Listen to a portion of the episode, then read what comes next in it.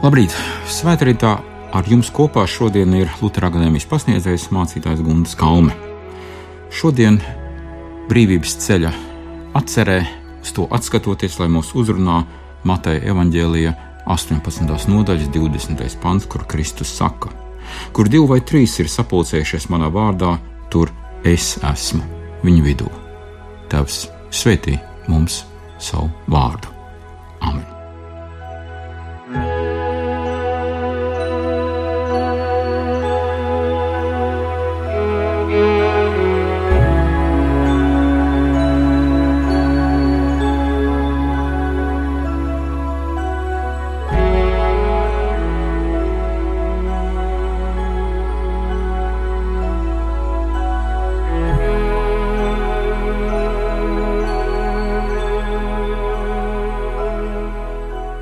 Attiecinot šo principu uz Baltijas ceļu, pirms 30 gadiem, mēs varētu sacīt, kur cilvēki sanāk kopā nevis savu savtīgo interesu vadīt, bet pārpersonisko vērtību dēļ, tur šīs vērtības patiešām tiek efektīvi īstenotas. Beig beigās es esmu tas, kam es piederu, kas ir lielāks un svarīgāks par mani pašu, kā daļa es esmu. Nevelti koknesis rokoperā Lāčplēs saka, es savu zemi neatdodu. Baltijas ceļā nevairs daži atsevišķi drosminieki, kā dziļos okupācijas gados uzvalkot Latvijas karogu. Nevairs kāds desmits, kā Latvijas neatkarības kustība un helsinkieši, pat ne simti un tūkstoši, bet jau divi miljoni no trīs Baltijas valstu pamattautām sadavās rokās 600 km garā dzīvā cilvēku ķēdē no Viļņas caur Rīgai līdz Tallinai. Baltijas ceļš ir izcils pasaules mēroga pilsoniskās cīņas un nacionālās atbrīvošanās kustības paraugs. Tā bija trīs Baltijas tautu solidaritāte, kopējā principiāli noraidoša attieksme pret komunistisko diktatūru, apliecinot, ka mūsu zeme, neatkarība un valstiskums mums ir augsta vērtība, ka mēs kā tautas gribam tās atgūt.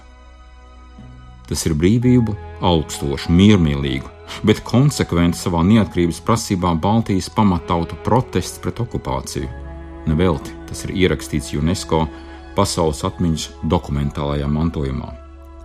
Bet neviena atmiņa nav jēgpilna, ja tā neuzrunā tagadni, proti, ja tā neatbild uz jautājumu, ko ar to iesākt tagad.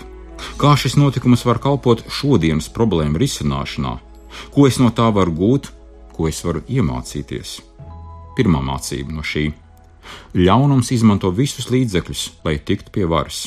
Tas izmanto tiešu brutālu varmācību, kā tas bija 1917. gada lielnieku apvērsumā, vai arī kā Hitlers, nākot pie varas demokrātiskā ceļā Vācijā 1933. gadā.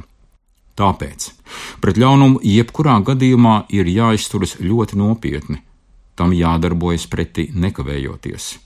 Pasaule nebūtu piedzīvojusi 1939. gada 23. augusta bandītisko Hitlera Staļina paktu un baiso Otro pasaules karu, ja Krievija un Vācu tautas būtu šo vienkāršo patiesību laikus sapratušas un īstenojušas. Otrā mācība. Demokrātija nav visvarena un visspēcīga. Lai arī ir ievērots leģitīms process, taču zinām, kāds bija gala iznākums tajā pašā Vācijā 1933. gada vēlēšanās process vien vēl neko nenodrošina. Demokrātijas procesa tehniku var lieliski izmantot arī tās pretinieki. Abi totalitārie režīmi, gan komunistiskais, gan nacistiskais, savā ziņā jāsaka, bija arī godīgi, jo tie atklāti un neslēpti pieteica savus mērķus. Hitlers savā programmatiskajā darbā Mana cīņa bija jau pieteicis savas teritoriālās un citas pretenzijas.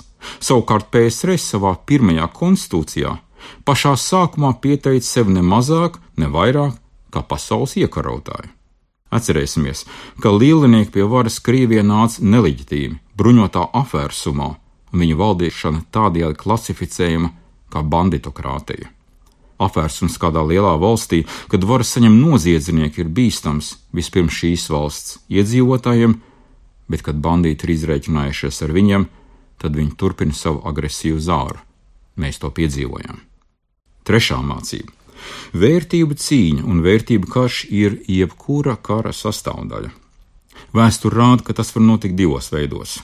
Pirmkārt, 1940. gadā tas notika vismaz ar pēkšņu ātru un milzu militāru politisko spiedienu anektējot, okupējot, tad pakļaujot un piepildot mūsu trīs Baltijas valstu telpas ar antivērtībām.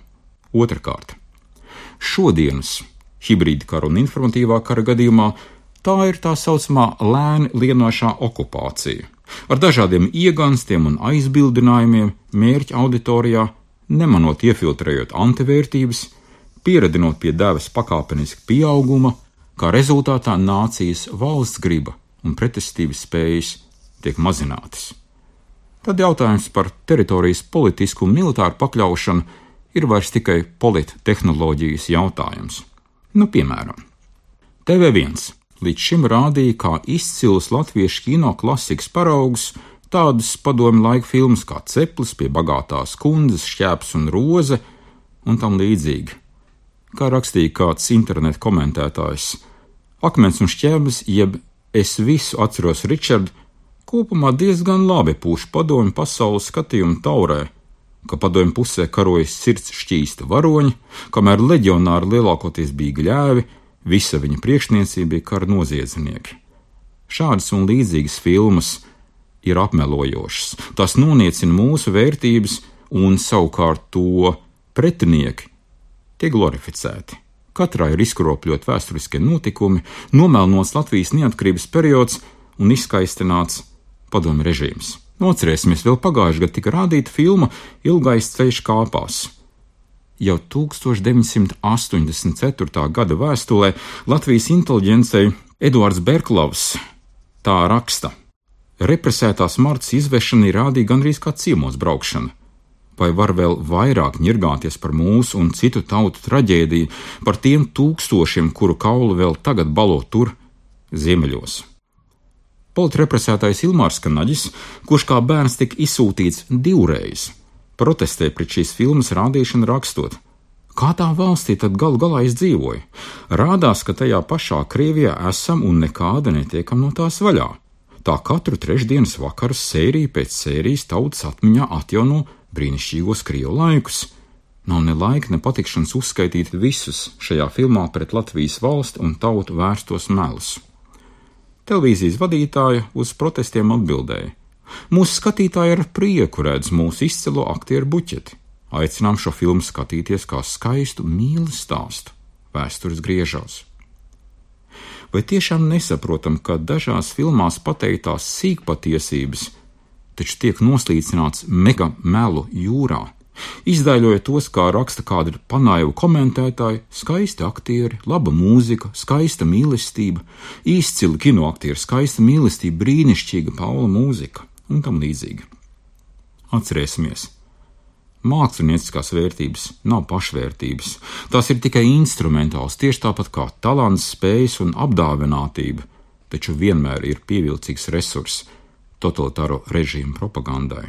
Atcerēsimies, mēs taču atmodas laikā nekavējāmies novākt ļeņinekļus, lai tie mums katru dienu atklāti neatgādinātu par režīmu glorificēšanu, neatkarīgi no tā, ka daudz no tiem diemžēl veidoja mūsu pašu izcilu tēlnieki. Tāpat mēs nedrīkstam šodien aizbildināties ar mākslas vērtībām kā tādu tabū šo okupācijas režīma propagandu. Zīmīgi, ka tādu filmu rādīšana parasti notika pirms valstiski svarīgiem notikumiem, Ar tādu rīcību televīzijas vadība faktiski parāda, ka informatīvais karš pret mūsu nāciju ir iegājis tā teikt nākamajā posmā - memētiskajā karā, kad nu mēs jau paši sākam izplatīt ienaidnieku idejas, aizstāvot un aizbildinot informatīvo ieroču lietošanu pret mums. Mūsu kultūra telpā iespiežas okupantu vērtības. Vai neesam pamanījuši, ka mūsu lingvistiskajā vidē aizvien vairāk parādās uzrakstu un tekstu krievu valodā? Nu, piemēram, Rīgā joprojām ir kafejnīca vārdā Ļeņingrad. Galerijā centrs un citur varam dzirdēt audio reklāmas krieviski. It kā daudzi nenozīmīgi gadījumi, bet kopā tie veido vienu efektu. Mēs tiekam izspiesti no savas informatīvās un vērtību telpas. Un trešā mācība. Reiz brīvību guvušam ir jābūt spējīgam, gribošam un protošam to vienmēr arī aizstāvēt Atcerēsimies, brīvība nav tikai vienreizējs dieva devums, tā ir nemitīgs uzdevums, proti, to ir jāgrib kopt un sargāt. Tiklīdz blakus esošais agresors jūt atslābumu mūsu valsts gribā, tas rīkojas. Tāpēc, sastopoties ar informatīvām vērtību kara izpausmē, ikdienā mums aizvien jājautā: pirmkārt, kas ir vēstījuma patiesais autors, kam tā ir izdevīga? Otrakārt, kas ir faktiskā vēsts, varbūt pat aiz ārēji pievilcīgas formas? Un treškārt, kādas mūsu vērtības šī vēsts stiprina, apšauba vai noliedz? Baltijas ceļā. Mēs nostājamies plecu pie pleca simtiem kilometriem garā ķēdē, lai apliecinātu mūsu valsts gribu. Ar to mēs stiprinājām, vienojām un mobilizējām sevi. Mēs signalizējām ienaidniekam par savu spēku, un mēs vēstījām sabiedrotiem par savu apņēmību cīnīties. Atmodā mēs sākam atkarot savu kultūra telpu, mēdī telpu, vērtību telpu. Tagad mums tas ir jāturpina. Jo kamēr mēs dzīvojam līdzās neparedzējumam agresoram, mums aizvien ir jāuzdod personisks jautājums. Ko es varu darīt šodien, lai rīt es pats un mani bērni pamostos joprojām brīvā Latvijā?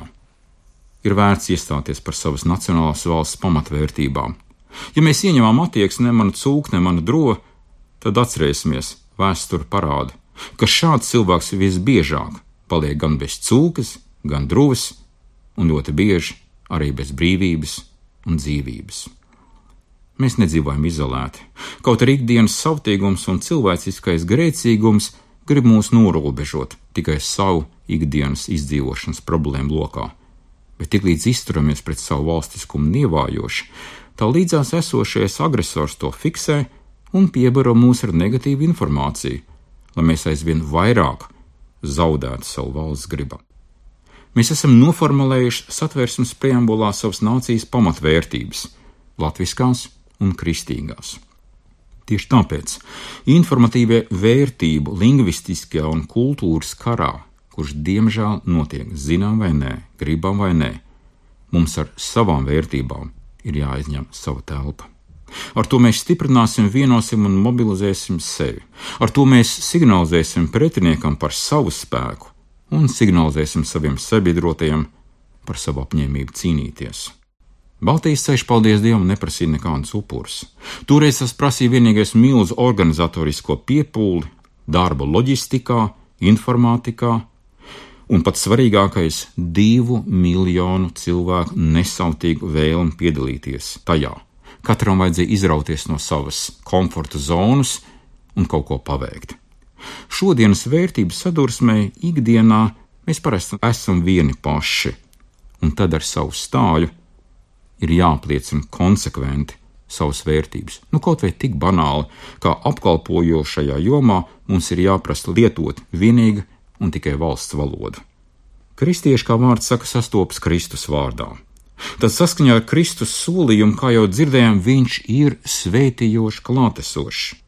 Kad mēs kā tautieši tiekamies, tad lai darbojamies pie savām augstākajām vērtībām - latviskuma, neatkarības un valstiskuma. Un vēl labāk, ja mēs varam strādāt gan kā kristieši, gan kā latvieši, attīstot, pilnveidojot un aizstāvot Dieva lielās svētības dāvanu mums visiem Latvijas valsti, par kuru toreiz pirms 30 gadiem mēs kopā trīs Baltijas pamatautas Igauni, Latvieši un Lietuvieši iestājāmies, katra par savu valstiskumu, un visas trīs kopā, lai mēs, kā Baltijas pamatautas, reiz būtu brīvi. Āmen!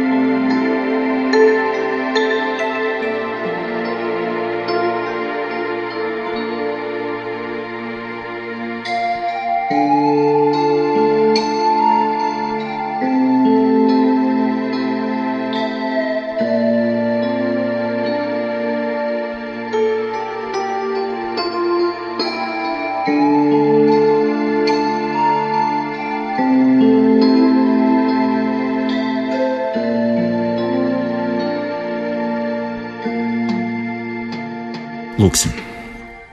Debes Tēvs, Kungs, Kristu, Dievs, Svētais Gars! Mēs pateicamies Tev, ka Tu esi mums devis lielu dāvanu, mūsu nacionālu valsti.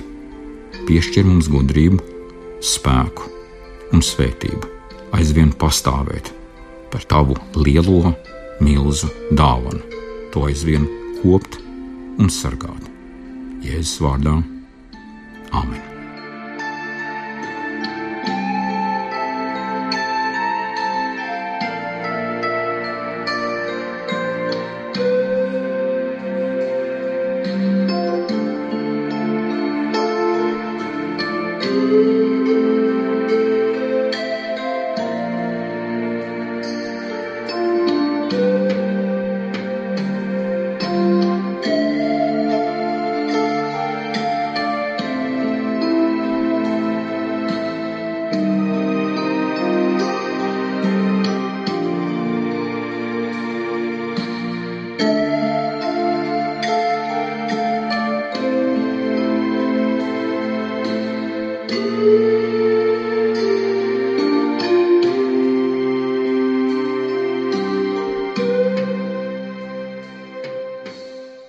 Svētrītā kopā ar jums bija Lutera akadēmijas pasniedzējs Mācīties Guntis Kalns.